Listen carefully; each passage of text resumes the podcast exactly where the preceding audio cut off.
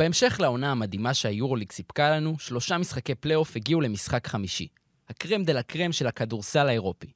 פנרבכצ'ה הגיע לאולם בפיראוס חדורת אמונה אחרי שניצחה בו כבר במשחק השני בסדרה, אבל הקהל היווני עשה את שלו. פרטיזן הגיע למדריד, הובילה בהפרש ניכר, באולם שניצחה בו פעמיים ממש בפתיחת הסדרה, אבל בסופו של דבר הפסידה לחבורה המנוסה בלבן. מכבי תל אביב חזרה למונקו עם חלום להפיל לפיינל פור לראשונה משנת 2014, היא הייתה קרובה, בחלקים מהמשחק זה כבר היה נראה בידיים שלה, אבל בסופו של דבר מונקו חגגה פיינל פור ראשון בתולדותיה בסוף הערב. שלוש קבוצות חוץ הגיעו למשחק החמישי כדי לשבור את הסטטיסטיקה. ונראה שלמרות שאין עונה מתאימה מהעונה הזו לשבירת מוסכמות ביורוליג, יש סטטיסטיקה שקשה לשבור. 18 קבוצות הגיעו למשחק חמישי בהיסטוריית המפעל, אף קבוצה עדיין לא ניצחה אותו. פתיח ומתחילים.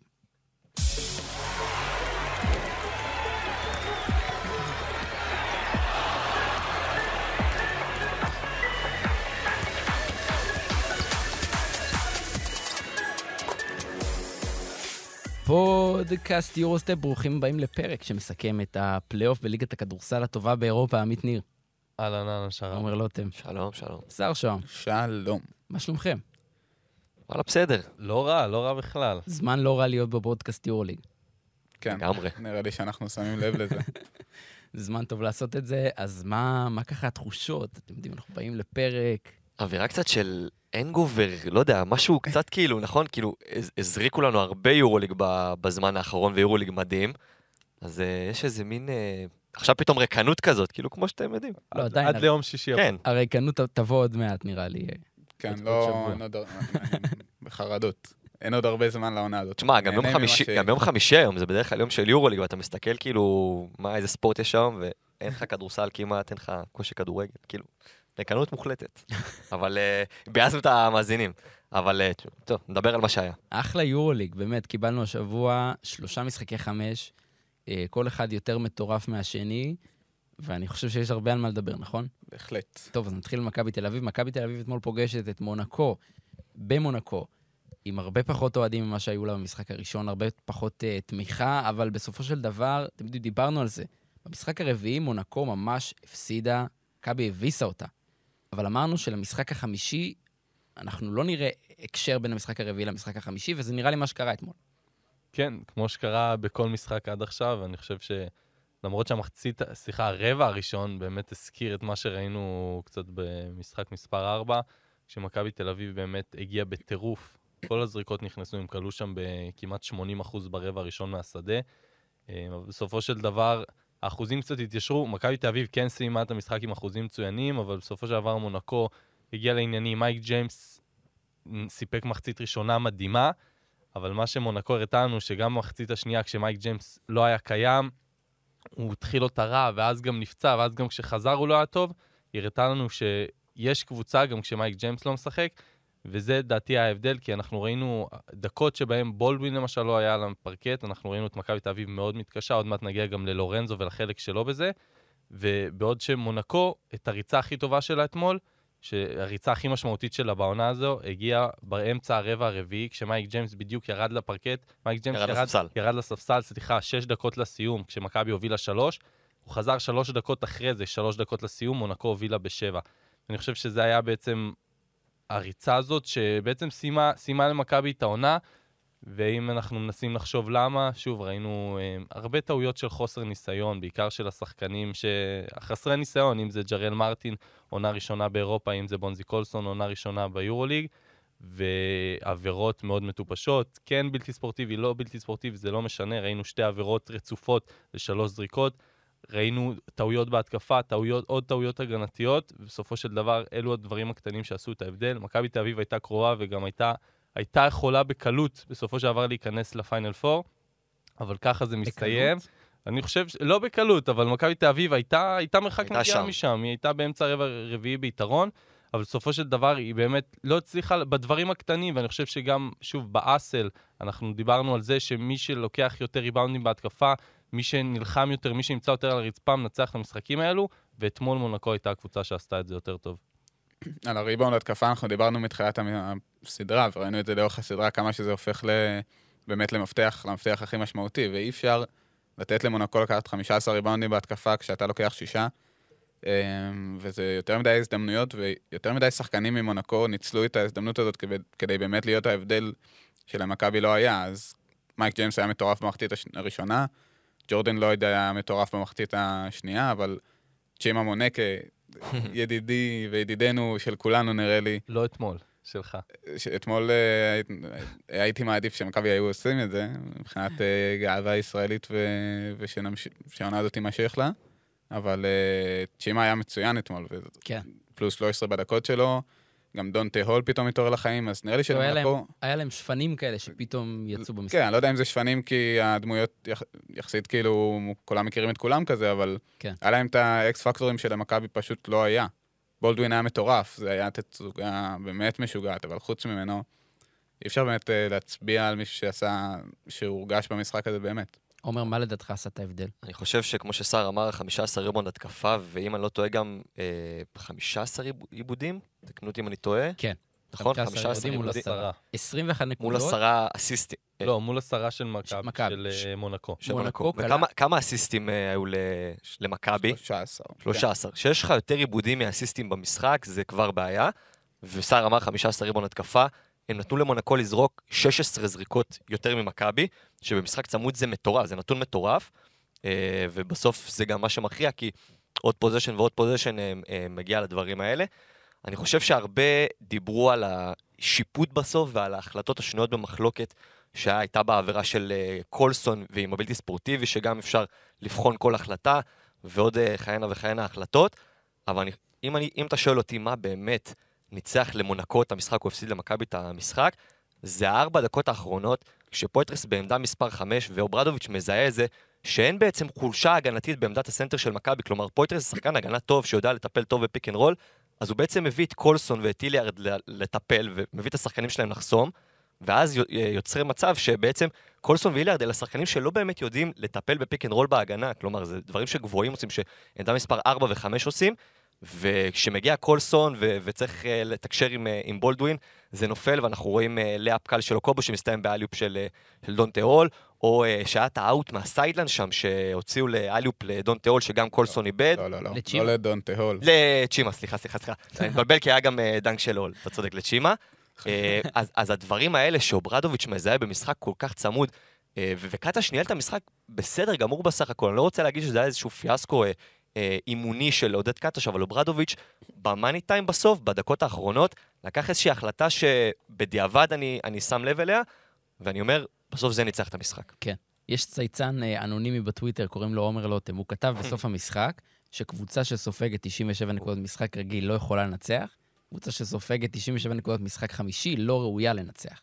והייתי מתעכב על זה, במיוחד במחצית הראשונה, מכבי ספגה 53 נקודות, זה הכי הרבה שלה בסדרה, וקשה מאוד לנצח, ככה גם דיברתם על העיבודים, גם דיברנו על הריבונד התקפה. תסמינים של המשחק השלישי וקצת של השני, שמונקו קופצת על הכדורים יותר טוב, נלחמת יותר טוב, וגם כשמייק ג'יימס יצא מאיפוס והיו דקות טובות של מכבי, מכבי תל אביב לא הצליחה לעשות את האקסטרה ולעלות ליתרון מבטיח יותר, וזה לדעתי מה שהפסיד. אז אני. אני רוצה להתפרץ למה שאמרת, על הדלת הפתוחה הזאת. ו- פרץ ב... שבאמת, אה, מאז שעברנו לפורמט, שהיורליג עבר לפורמט של הטוב מחמש ב-2008-2009, הסקורים שהקבוצות ספגו אתמול, ריאל, פרטיזן ומכבי, אלה הסקורים הכי גבוהים במשחק חמש. ה-98 שפרטיזן ספגו, ה-94 שריאל ספגו וה-97 שמכבי ספגו. אלה עונה כן. פסיכית. אמ, ובעצם הקבוצה היחידה שספגה מעל 90 נקודות בכל התקופה הזאת במשחק 5 זאת ביירן לפני שנתיים מול מילאנו, 92 אם אני לא טועה.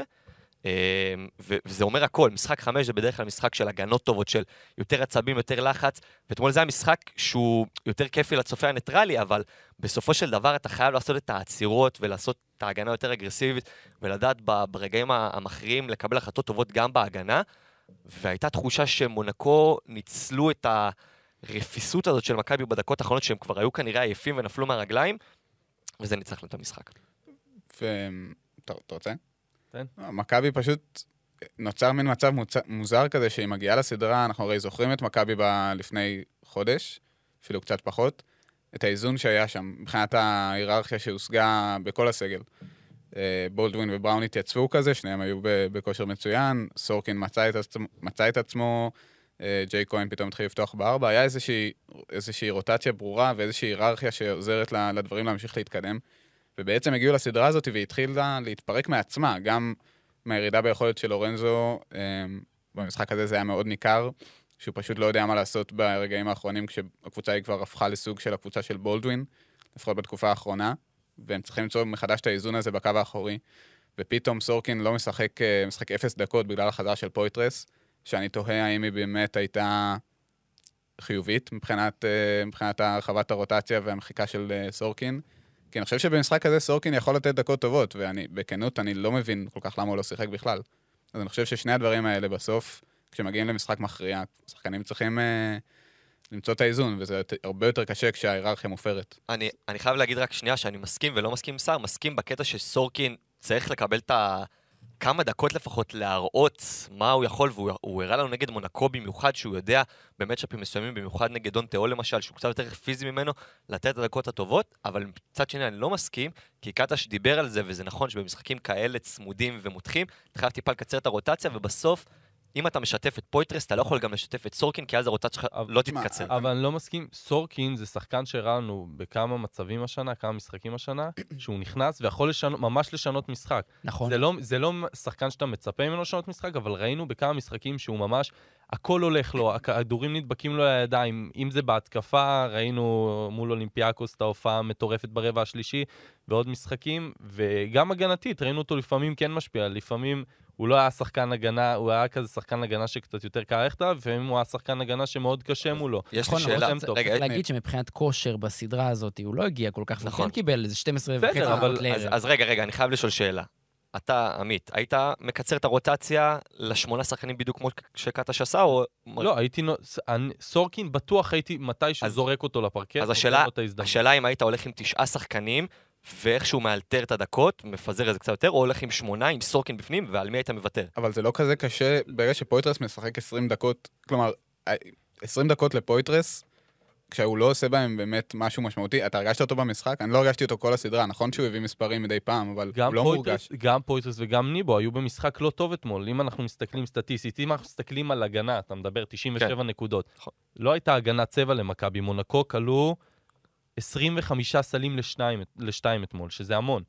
ולא הייתה הגנת צבע, הם לא תרמו התקפית, למה לא לתת לפויטרס הזדמנות? אתם בעצם אומרים לת... להוריד את הדקות של פויטרס ולתת קצת יותר לסורקין? פויטרס, ניבו, לא משנה מי, לתת הזדמנות לסורקין, כי זה שחקן שכן, הראה לך כמה פעמים הש... השנה שהוא מסוגל אה, לעשות דברים שונים. וזה גם מדאיג להמשך העונה, אני חושב, מדאיג. מי שרוצה בהצלחתו של רומן סורקין, שזה, שאני ביניהם, זה קצת מדאיג כולנו. להמשך, כולנו, כן, אני מניח שכל ה, כל, כל המאזינים גם, זה קצת מדאיג לראות את זה ברגעים החשובים אותו שוב נמחק. ופויטרס, לא יודע, זה מזכיר קצת מה שהיה לפני שהוא נפצע, אם אתם זוכרים. הוא שיחק, הוא הגיע למספרים שלו מדי פעם, אבל הקבוצה פשוט, זה לא היה נראה כל כך מחובר לקבוצה, הוא כאילו במין איזה עולם משל עצמו, וגם עכשיו... היו לו משחקים שמבחינה סטטיסטית בסדר גמור בסדרה ויעילים מבחינה מספרית, אבל שוב, לא מרגיש שיש לו איזה אימפקט אמיתי על הקבוצה הזאת. אבל נראה לי שאתה צריך לנתק את זה להמשך העונה, יותר נכון למה שיקרה בליגה, כי בסופו של דבר, לא או ניבו או פויטרס לא יירשמו, כן. וסורקין כן. זה יהיה שחקן של בין 18 אה, ל-25 דקות לערב כנראה. אז uh, אני חושב שזה לא באמת ישפיע על הליגה הישראלית, אבל כן בהסתכלות קדימה, קדימה, ובבני, קדימה. בבני, בדיוק לשנה הבאה, ובבניית הסגל, ובמי מכבי מתכוונים להשאיר, איזה גבוה אולי uh, עומד לבוא. אז זה כן נקודה למחשבה. מה, מה עם הפיל שבחדר בשם לורנזו בראון? זהו, רציתי שנוביל את זה עכשיו, אנחנו נדבר גם בהמשך על העונה הבאה ועל מה שנשאר למכבי תל אביב, אבל לורנזו בראון צריך להגיד, אה, דיברנו לפני המשחק בפרק הקודם, על המצ'אפים בקו האחורי, שזה כנראה מה שהכריע. אז ראינו את uh, מייק ג'יימס טוב, לפחות במחצית הראשונה, ראינו את וייד בולדווין טוב, אין לנו טענות. בסופו של דבר, נראה לי שהגארד השני, זה שלא היה וזה שהיה, זה מה שהכריע, אז כמובן זה לויד שהיה, ולורנזו בראון שפשוט לא היה. לא רק אתמול, לאורך כל הסדרה. בניצחונות, לויד... בניצחונות לויד מטורף, בהפסדים הוא היה... בסדר, אבל בסופו של דבר מה שמשנה זה הניצחונות ומי, לא, ומי לגמרי, מנצח. הוא הברומטר, כאילו, של... לגמרי, ולורנזו, היה לו לדעתי משחק אחד, היה המשחק הכי טוב שלו. חוץ מזה, שוב, לא, מבחינה... לא, המשחק הרביעי גם היה הכי טוב. מבחינה, אחד וארבע היו משחקים, גם מבחינה מספרית, היו לו משחקים טובים. גם כשאנחנו מסתכלים כן. על המספרים uh, במשחק אתמול, על הנייר, זה. טוב, האמת זה לא נראה באמת לא טוב, כי 12 נקודות, שני אסיסטים. הפעם באמת קשה להגן על... מה עם המדד יעילות, אבל אפשר להתעכב על זה. 12, מדד יעילות במגרש במונקו. כן, אז... שלושה משחקים מתוך חמישה. זה גם עניין, האם לורנזו בראון למה, מה קרה פה בסדרה מונקו? או שמונקו, שראינו כבר בעונה הסדירה שמצליחה להתמודד איתו בצורה טובה, היא הייתה הבעיה, או שלורנזו בראון, שבגיל 33 משחק מעל 30 דקות בערב, ומגיע אולי קצת סחוט אחרי, שוב, קיץ שבו הוא עבד הכי קשה שיש והלך עד הסוף עם ספרד. אה, משחק 30 ולדעתי 1, 32 דקות בערב, ומגיע לפלייאוף אולי קצת סחוט, בטח ששמים עליו את הדגש. לדעתי, יש פה שילוב של הדברים, ואני חושב שפשוט וייד בולדווין הראה לנו בסדרה הזאת, שזו, אנחנו כל הזמן דיברנו, בהתחלה זה על לורנזו, לאט לאט כן. בולדווין כן. צריך לעלות, אה, לדעתי הגענו למצב שבולדווין פה, אני שם את היד גבוה, ולורנזו כמה דרגות אה, מתחתיו. בולדווין סיים את הסדרה הזאת עם הכי הרבה נקודות בממוצע למשחק, עם הכי הרבה אסיסטים בממוצע למשחק, אני מדבר ב, בשתי הקבוצות. אני חושב שבולדווין הראה לנו בסדרה הזאת ובחצי שנה האחרונה, שהוא top חמישה שחקנים ביורוליג קל, ובחצי שנה, חצי שנה האחרונה הזאת לדעתי אפילו, חוץ שווה משאשא חמישיית- ושמקו, שווה חמישיית העונה? לגמרי שווה חמישיית העונה, למרות שלדעתי הם הולכים, הם עדיין יעדיפו את לורנזו בגלל כל העונה הסדירה, כי לורנזו כן. בסופו של דבר, לפחות עד למאני טיים, שלדעתי זה מה שאמור להכריע, אבל אני לא חושב שזה מה שהם יעשו, הם ילכו עם לורנזו מעל בולדווין. מה גרם לנפילה הזאת אה, של לורנזו לדעתכם? אני חושב שזה פשוט כמו שאמרתי קודם, אני חושב שפשוט ההיררכיה הופרה, וזה, יכול- אני בטוח שזה גם קשור לעומס שיש עליו, אבל המצב הזה שבולדווין פתאום הוא השחקן של הקבוצה, וזה שחקן מאוד ריכוזי, שרוצה את הכדור אצלו, ואיכשהו כשזה היה אצל לורנזו הכדור, בולדווין ידע להסתדר, כי הוא עדיין, הכישרון ההתקפי שלו הוא לא... הוא מטורף, אז הוא ידע להגיע למספרים שלו והוא ידע לעשות את ההשפעה. אה, ופתאום העניינים כזה קצת התחילו לרעוד ל- ללורנזו בראון. אה, והוא יצטרך למצוא את הסינרגיה הזאת מחדש, כי הוא, אין מה לעשות שהמעמד שלו ירד ביחס לבולדווין. אומר? אין לי מה להוסיף. אז מה לדעתכם מכבי תל אביב צריכה עכשיו... אה, קודם כל, יש לה עכשיו את הליגה. יש לה עכשיו אה, בעצם סיטואציה שבה, אם היא לא זוכה באליפות, היא מסיימת את העונה הזו בלי תואר. אתם חושבים שזה כישלון? אני לא עמית חושב... מחייך, אני לא יודע למה. למה? אני, חושב, אני לא חושב שזה כישלון, אה, גם אם הם לא יזכו באליפות. אני מסכים שזאת תהיה, אם מסתכלים ככה על כל העונה, זו לא, זו לא תהיה עונה טובה מן הסתם, כי מכבי תל אביב, בלי תואר מקומי ובלי להגיע לפיינל פור, אי אפשר להגיד שזו עונה טובה. אבל אני גם חושב שזה, שזה רחוק מלהיות כישלון, כי בסופו של דבר מכבי תל אביב, אחרי כמעט עשור, עושה את הישג השיא שלה ביורוליג, את העונה הכי טובה שהייתה לה ביורוליג, שוב, בכוכבית עונת הקורונה, ששם, אה, בוא נגיד, היא הייתה, היא הציגה כדורסל יותר טוב ממה שהיא הציגה השנה. אה, ומעבר לזה שהיא באמת עושה עונת שיא ביורוליג אה, מזה הרבה שנים, אני חושב שראינו את קטש מצליח, למרות הרבה קשיים שהיו, בסופו של דבר לנהל את הסגל הזה בצורה טובה, ולהוביל לזה שרוב, רוב, אם לא כל השחקנים הכי חשובים שלו, חותמים על חוזים חדשים, ובעצם המשכיות, שזה משהו שלא ראינו המון שנים במכבי, ואני חושב שאי אפשר להתעלם מזה כשאנחנו מסתכלים על העונה. ואתה מדבר על השחקנים שלו, אתה לא מדבר על קטש. זאת אומרת, קטש אנחנו זה יודעים... ש- שילוב. ואתה לא זה- מדבר על הישגיות, שזה... זה, זה הכל שילוב. שוב, הישגיות, מכבי תל אביב השיגה, זה הישג השיא של מכבי מאז עונת 2013-2014 ביורוליג. וזה, ואני לא יודע, יכול להיות שאתה מזלזל בזה קצת, לא, אבל... חס וחלילה, חס וחלילה, לא מזלזל בזה, אני רק אומר שמועדון מכבי תל אביב מתגאה בכל המכביזם שלו, שהוא אוהב תארים ושואף לתארים, ואני חושב שעונה שנייה ברציפות, לא, לא לקחת תואר, חכה, לא, זה- אנחנו מדברים מה יקרה אם, זה לא קרה בינתיים. לא, אבל, נכון, אה, מבין- אני מבין אומר, מה אני הולך לפי השאלה שלך, כן. אני חושב שכל הדבר הזה, של, קודם כל, אה, כל מה שיאניס אמר מהסינג, זה כבר מעריך את המילה כיש, כישלון ומה זה אומר בעצם, אבל ב-NBA. אני, כן, אני חושב שאם ספירופולוס לרגע. לא, לא. אם, אם באמת מכבי לא ייקחו תואר, עזוב את זה שהם הגיעו לפלייאוף של, אה, של יורוליג, שזה בסדר גמור, אבל בסוף, אם הם יצאו עם העונה הזאת עם אפס תארים, אי אפשר להגדיר את העונה הזאת כהצלחה בוודאות. אני לא אמרתי הצלחה. אה, אה, אבל יש הבדל בין כישלון לבין עונה שהיא לא, לא טובה.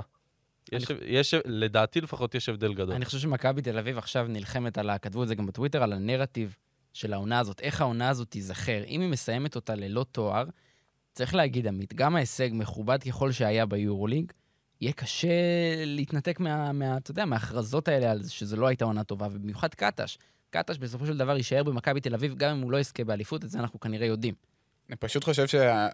לא, קטש יישאר, כן, זה לא, לא, אבל אני אומר, אני אומר, אבל אם עדיין לא תהיה לו את האליפות, אז גם בעונה הבאה יהיה קל מאוד להגיד, אני פשוט חושב שזה זה דיונים שקשה לנהל אותם, בגלל שגמר בסוף, כאילו, בסוף זה יבוא לסדרה של שלושה משחקים, אה, בהנחה שמכבי תהיה בגמר, שזה גם לא בטוח, כי העונה הליגה מאוד קשה, ומכבי ממש לא בהכרח פייבוריטית בעיניי בליגה. אבל לצורך העניין זה יגיע לסדרה של שלושה משחקים, אה, ואי אפשר לדעת בדיוק איך זה יתנהל. אני חושב שעד כה, קשה, עד כה העונה הזאת מדהימה למכבי, במיוחד בגלל איך שהיא שיחקה, לאו דווקא העובדה, כאילו גם היא הייתה ניצחון מפאנל פור, אבל גם הקבוצה הזאת חזרה לשחק כמו שהאוהדים וכולם רוצים לראות, כל מי שמנתח את הקבוצה הזאת רוצה לראות אותה משחקת. כן. אה, אז מהבחינה הזאת, לא קרוב לכישלון. אם uh, בסוף זה יתפקשש על נקודה, כאילו, לך תדע גם איך זה ייגמר. מה זה, מה זה לא לקחת תואר? יש גם שאלה איך אתה לא לוקח תואר. כן. איך אתה עף בדרך, מה קורה שם, ויש עוד זמן לגלות מה יקרה, אבל עד עכשיו זה רחוק משם, ויש עוד חודש וחצי, חודש, חודש, לדעת איך זה נגמר. אני חייב רק לחדד, העונה של מכבי היא בהחלט עונה טובה, וראינו דברים מדהימים מהעונה ממכבי, וקטש עשה עבודה גדולה עם סגל שהולחם מחדש ומאפס, אבל שוב, אם לא יהיה פה תואר, לדעתי, אין פה הצלחה, והמילה כישרון זה שוב, זו מילה גדולה, אבל מכבי מתבססת על הרצון שלה, התמידי שלה, לקחת תארים. ואם היא לא לוקחת לא גביע ולא אליפות, כן, אבל היא צריך... חייבת את זה. היא חייבת אבל תואר. ללכת מעונה טובה לכישלון, לדעתי זה אבל, זה הבדל אבל, גדול אבל, מדי. אבל אני, אני אלך איתך פה לדברים אחרים. אני מכיר את, נגיד, ליברפול מהכדורגל, נתנו, נתנו עונה גדולה נגד סיטי, הולכים, הולכים איתה עד הסוף, עונה מטורפת של 98 נקודות, בסוף לא זכו בתואר. מבחינתי, בתור אוהד, או בתור מי שמסתכל מהצד, זו עונה שבסוף היא לא מוצלחת והיא אפילו כישלון. זו דעתי. אז לדעתי לא. עונה, עונה, בוא, אם אנחנו, לדעתי, לא ניקח את זה עכשיו לסיטי ליברפול, אבל זו דוגמה טובה. כי ברגע שהקבוצה שלך נראית כל כך טוב ועושה את מה שהיא צריכה, ואני לא חושב שמכבי זה... אבל אני מעריך את זה, זה לא שאני לא מעריך את זה, ואני לא מזלזל, אני אפילו מפאר אותם. אז אני לא חושב אבל שאתה בסוף, יכול... אתה צריך לקחת תואר. אבל עדיין, אני לא חושב שזה כישלון, שאתה יכול לקחת את זה למקום של כישלון, כשאתה מפאר את הקבוצה ואומר, הייתה עונה טובה והם שיחקו טוב. נכון, זו, זו לא הייתה עונה טובה והם כנראה לא עמדו בציפיות, אבל שוב, ההבדל בין כישלון לבין חוסר הצלחה, לדעתי הוא גדול. יש, יש הבדל, אין מה לעשות. כאילו, אנחנו כנראה מסתכלים על, על הדברים כן, בצורה אחרת קצת. אני חושב שהדיון הזה הוא הצלחה. לא כישלון? אה, רגע לפני שאנחנו עוברים לשאר הסדרות שלנו, בואו נדבר קצת על מונקו. יהיה לנו פרק אה, הכנה לפיינל פור, אבל בכל זאת, מעפילה לפיינל פור הראשון בתולדותיה. סער, אתה כתבת גם, בטו... אני מרים לכם לטוויטר, שכשמכבי תל אביב הייתה בפיינל פור האחרון, מונקו הייתה בליגה השלישית בצרפת. כן, מטורף. אה, סיפור עלייה מטאורי, הרבה כסף יש שם ב- בסיפור עלייה כן, הזה, פחות אבל רומנטי, אבל... אני- לא כזה רומנטי. אני בתחילת העונה ממש הייתי נגדם, אני לא חשבתי ש... שיצליחו ככה ב... בצורה כזו, אבל עושים פיינל פור וזה מאוד מרשים. זה מרשים במיוחד בעיקר, אתם יודעים, מייק ג'יימס חזר עכשיו לפיינל פור לראשונה מאז ימי בסקוניה העליזים. כולה פיינל טוב. פור שני שלו. כן, ג'ורדן לויד עכשיו מגיע, ל... כאילו זו קבוצה שהיא מאוד חדשה מבחינת ניסיון במעמדים האלה, וגם מבחינת המועדון עצמו, וזה פשוט יפה לראות את זה קורה כל כך מהר, ו... ויש שם כל כך הרבה סיפורים בקבוצה הזאת, שזה באמת לא נגמר. אמ, ובסוף אה, אין מה לעשות. מי שמנצח את המשחק החמישי כנראה שמגיע לו להיות בפיינל פור, כן. אה, ולמונקו הגיע יותר ממכבי בסוף. אז את זה אנחנו נדבר אה, בפרק ההכנה לפיינל פור שאנחנו נעשה ביום שני. נעבור לסדרה הבאה. חלק מהמאזינים שלנו לא יודעים, אבל ארד ירושלמי הנהדר, חוץ מלהפיק את הפודקאסט הזה, הוא גם עורך, עורך את ערוץ 5 גולד. הוא מחליט מה ישודר בו. אני חושב שכל חמשת המשחקים בסדרה של ריאל נגד פרטיזן צריכים להיות שם. מקסימום שים להם איזה פילטר שיראו משנות ה-90. בהולדת של סרחיו יול, הוא אומר. אה, רעיון כן. טוב, רעיון טוב, אני באמת חושב שהסדרה הזאת היא סדרה שנכנסה להיסטוריה. חד בין משמעית. ריאל מדריד לפרטיזן. באמת איזושהי סדרת דוקו אפילו, לדעתי, כן, מה שקרה שם. יש מצב שזה יקרה, לך תדע. בשורה התחתונה, אתמול ריאל מדריד מנצחת את פרטיזן, חוזרת מפיגור 18 נקודות, ומ-2-0, ומ-2-0, שוב, 0-2, מ-0-2, כן. משוגע. מש- באמת משוגע. בסופו אה, של דבר, אני חושב שהיא היא מוכיחה שהסמל והמועדון מסורת. והמסורת, אפילו קיבלו ברכה מקרלו אנג'לוטי. אני פשוט לא יכול להתנתק מה... לא יכול להתנתק... טוב, אנחנו תכף נגיע אתה לא יכול. להתנתק מהעונשים. תכף נגיע לשם, אבל אה, כן, מטורף. פעם ראשונה בהיסטוריה שחוזרים מפיגור כפול אה, לשלוש-שתיים, אה, ומה שהלך שם במשחק אתמול זה היה מטורף. אני הייתי עסוק פה בבלאגנים של מכבי קצת, אבל אבל מטורף, באמת, אה, פשוט הקבוצה הכי ווינרית נראה לי שיש, גם בכדורגל, אם אתם רוצים... המועדון, אה, כן. כן, מועדון, זה פשוט מועדון. והיא עולה לפיינל פור, תפגוש את ברצלונה כמו בשנה שעברה, קלאסיקו. והוא אמר סרחיו יול, אז אני חושב שהמהפך בסדרה הזאת התחיל עם האווירה הבלתי ספורטיבית שלו בסוף כן. משחק 2, שהוא לא נענש עליה. שעזוב, לא זה נענש אשכרה עליה. תסריט. שהתחיל את, ה, את המהומה הגדולה שבזכותה כן. בסופו של דבר, לדעת כולנו, אה, פרטיזן אה, עפה, ובעצם הושלם עם ריצה מטורפת שלו ברבע הרביעי, הוא כלה שמונה נקודות במאני טיים, שמונה נקודות שבעצם אה, לקחו את המשחק ממצב של שוויון למצב של המשחק בידיים של ריאל.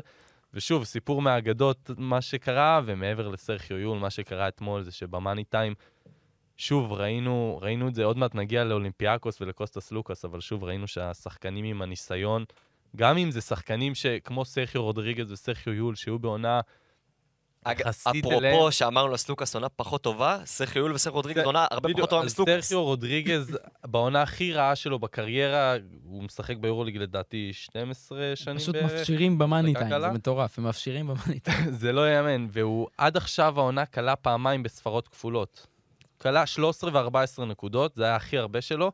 אתמול, ברבע האחרון של המשחק הכי חשוב בעונה, הוא כלה 13 נקודות. ברבע אחד.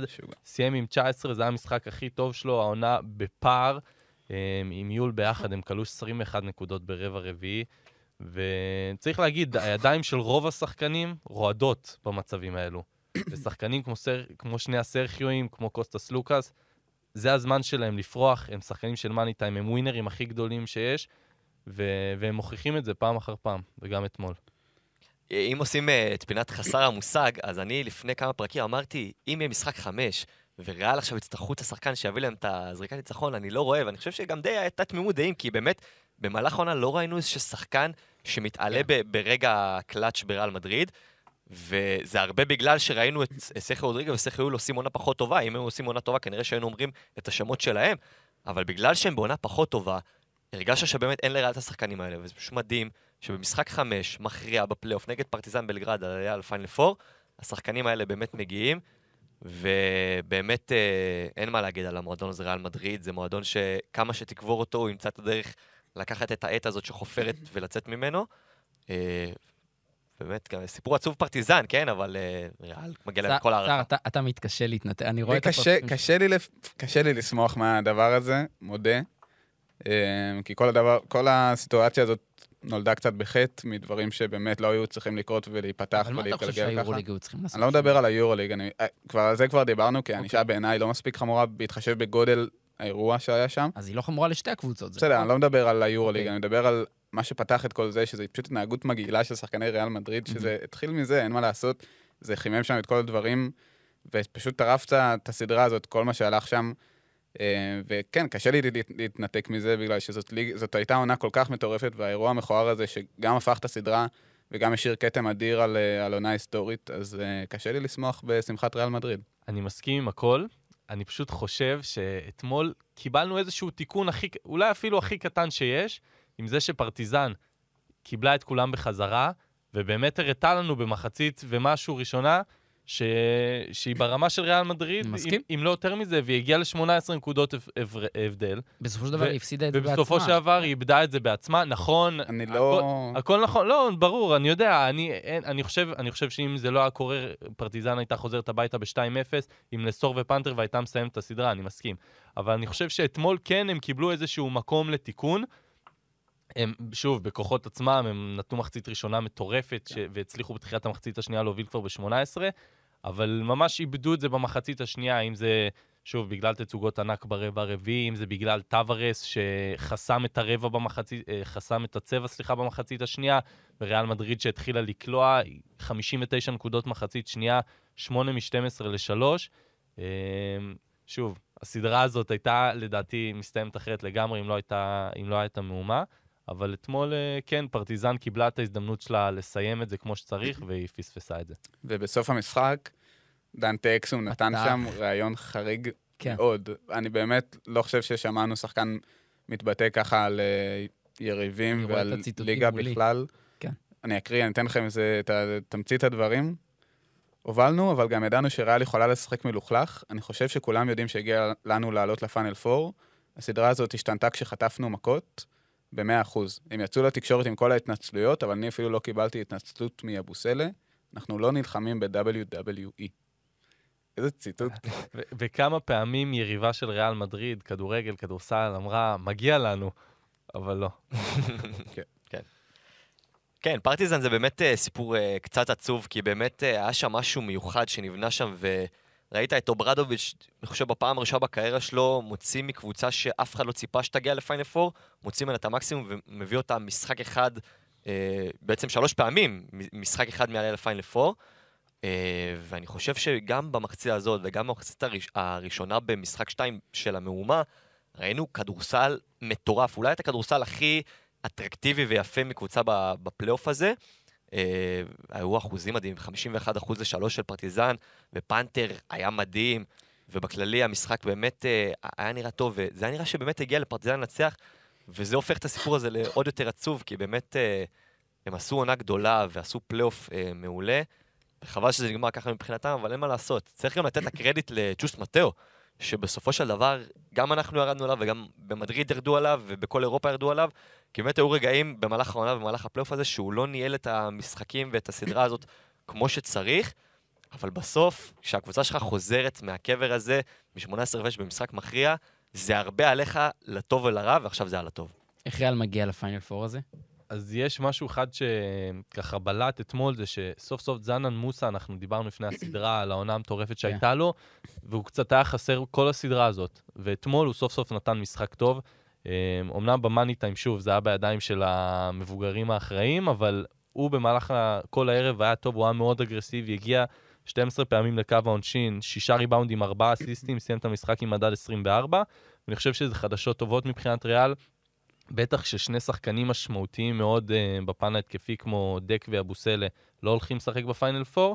Uh, לדעתי אנחנו עוד uh, מן הסתם נרחיב, יהיה לנו פרק הכנה לפיינל 4 על הבעיה של ריאל בעמדה מספר 4 uh, מול ניקולה מירוטיץ' בחצי גמר. נשמור אותו, נדיה. אה, שאלה טובה, אה, אבל אני חושב שמוסה לפחות זה איזו נקודה טובה לקראת הפיינל 4. מדהים.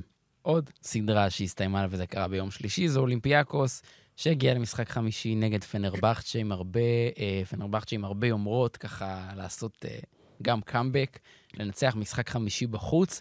בסופו של דבר, הרבה קהל, הרבה דחיפה, הרבה וזנקוב, הרבה סלוקאס, ואיזה כיף של אולימפיאקוס, שוב בפיינל 4. אה, ואני חייב להגיד, לא נראה לי שהם ציפו לסדרה כזו קשה אחרי שהם יסיימו במקום הראשון בעונה הסדירה, אבל עדיין, מבחן גדול. כן, אני חושב שהם לא ציפו לסדרה כל כך קשה ולחמישה משחקים, אבל אני חושב שזה גם חישל אותם באיזשהו מקום, כן. פשוט כדי לדעת שהם יכולים להפסיד גם לקבוצות שהם חושבים שהן לכאורה עדיפה, עדיף, עדיף, שהיא עדיפה עליהן, אולימפיאקוס, ובחצי גמר מחכה להם מונקו, שזה שוב סיטואציה יחסית דומה, וזה ירגיש כמו משחק בית, חד משמעית. אמ, אז אה, נראה לי אולימפיאקוס קיבלו את הזעזוע שלהם עם הגניבת ביתיות שם בפיראוס, ונראה לי שב long run זה יכול דווקא לפעול לטובתם, שזה לא היה איזה sweep כזה קליל ו- ולטאטא וללכת. ושוב זה מחזיר אותנו לשלשה של קוסטס סלוקאס, שפשוט שינתה, הפכה את העונה הזו מקצה לקצה, מעונה שיכולה להסתיים ככישלון, לעונה שכאילו וואו.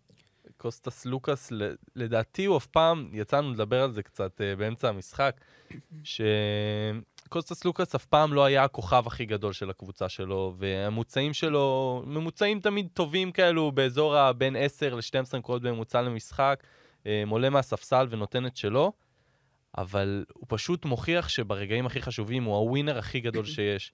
אה, הוא מגיע למשחקים הגדולים, ולמשל תומאס ווקאפ, שאנחנו כל הזמן מחמיאים לו ומדברים ואומרים שהוא אה, לגמרי ראוי להיות אחד מהשחקנים בחמישיית העונה של העונה הזאת. בסופו של דבר ראינו בסדרה הזאת, שכשזה מגיע לרגעים החשובים, כשזה מגיע ל money time, אז, אז יש, יש שחקנים שפשוט זה, זו העבודה שלהם, זה המקצוע שלהם, וקוסטס סלוקאס הוא אחד כזה. אה, שוב, אני לא רוצה להוריד מווקאפ, אבל בסופו של דבר גם כשנסתכל על המספרים בפלייאוף, ווקאפ היה הרבה פחות טוב ביחס לסלוקאס. אה, ובסופו של דבר, מעבר לסלוקאס, הוא קיבל את העזרה מווזנקוב, בעיקר במחצית השנייה, וזנקוב במחצית ראשונה היה חלש מאוד, כמו במשחק מספר 4, מול אה, מייק בראון, שבא לראות אותו, מאמנה של אה, סקרמנטו. שאנחנו מקווים ש...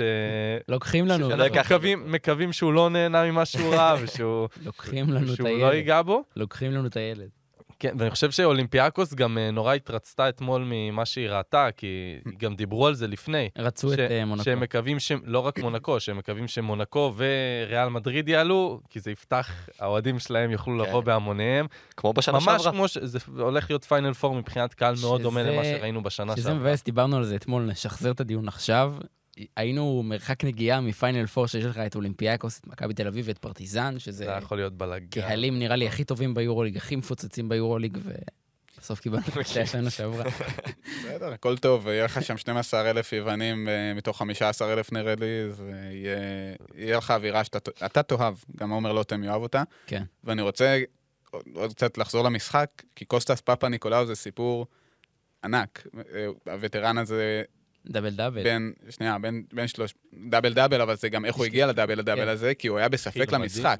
הוא לא היה, כאילו היה סימן שאלה ממש עד היום, יום לפני זה רק אה, התברר שהוא כנראה ישחק, אבל היה לו שפעת לפי מה שמספרים באולימפיאקוס.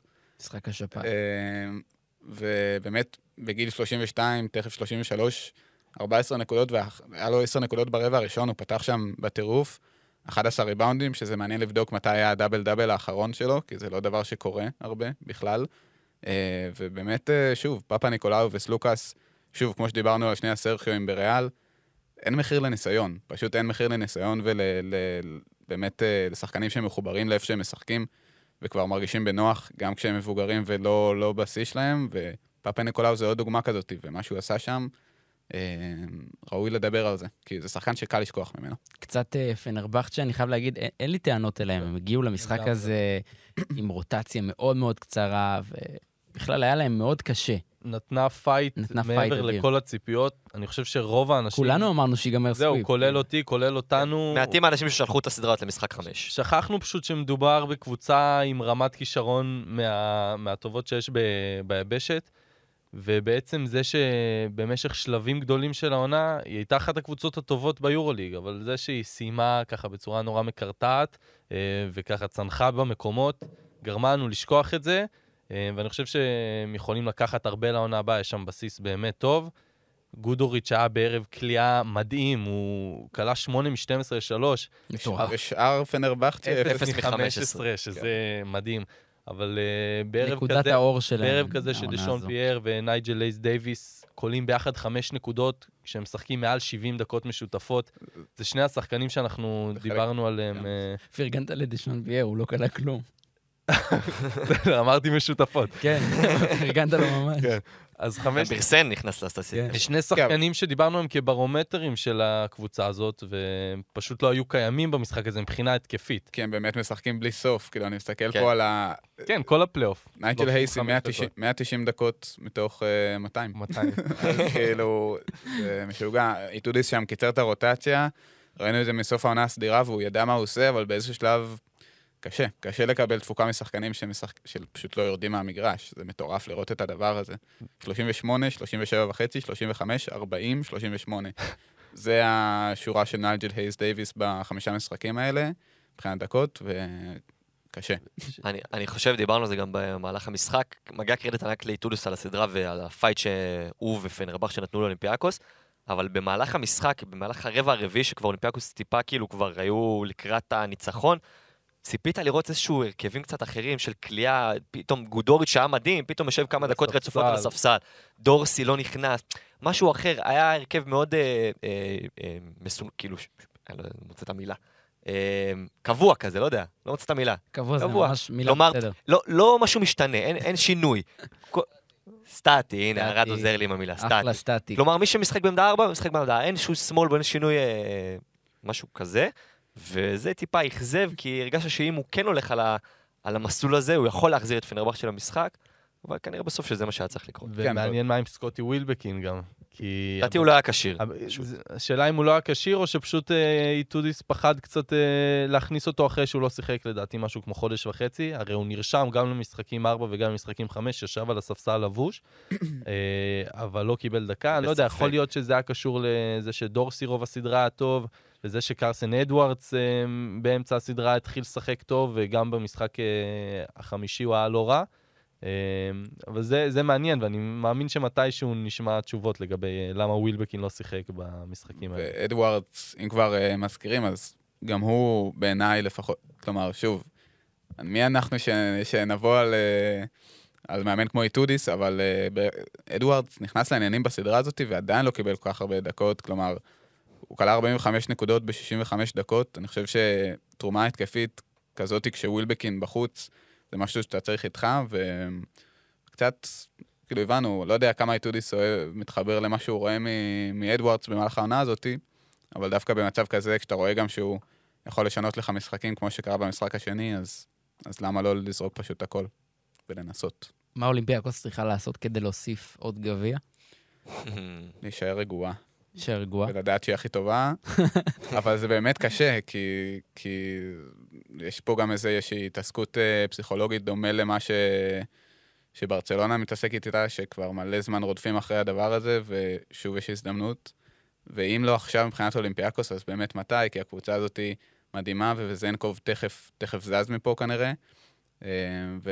ואני חושב שהלחץ הוא באמת, כאילו, באמת, כמה שזה קלישאתי, הוא באמת האויב הכי גדול שלהם, כי הם מבחינה, על הנייר, הכי טובה ביורוליג, עדיין. כן, מגיעה פייבוריטית עם דחיפה מטורפת שהקהל שלנו ספק שתהיה, באמת, זה הזמן שלה לעשות את זה, אבל אה, שוב, משחק אחד, כמו שראינו כל שנה, שנה שעברה זה נגמר בשבילם בצורה הכי כואבת שיש, עם השלשה הזו של אפשר כבר וסיליה מיציץ'. להקליט את הפרק של הפיינל פור היום, אני ממש בא לי. יאללה. עכשיו, ערד? איי, איי, איי. יש לך משהו באוויר. אז אה, נראה לי שזה הזמן שלנו לסיים. ת- תראו, היה באמת פלייאוף מדהים, ותודה לכם שהאזנתם, ותודה לכם שהייתם כאן, עמית ניר. תודה לך, שרבי. עומר לוטם, תודה לך. סער שוהם. תודה רבה, ואני, אם כבר אני אחרון, אנצל את ההזדמנות להודות... אם כבר ל- אני האחרון, תמיד הוא האחרון. נודה לערד, ירושלמי, על ההפקה והעריכה, ערד, אתה אח בדם. אחלה ערד. נודה ליורוליג על עונה מופלאה ופיינל פור בעוד שבוע, יום שישי, תחגגו את יום ו- ירושלים. ומקליטים, שוב פעם, בפרק ביום שני, צריך שני. להזכיר. פרק שיהיה לכם מספיק זמן לשמוע את הפרק שוב ושוב כדי להגיע מוכנים אה, לפיינל פור אה, של היורוליג. אה, נזכיר לכם שיש עוד פודקאסטים מצוינים מבית ערוץ הספורט, Speak and Roll. הקליטו היום. הקליטו היום פרק לקראת הפועל ירושלים והפיינל פור שלהם ב-BCL, ויש לנו את אה, נדב יעקבי עם הנושא המתמיד שמסכם את ליגת אלופות, ועוד ועוד ועוד פודקאסטים מצוינים. אז תודה רבה לכם שהאזנתם, ואנחנו נשתמע בפרקים הבאים.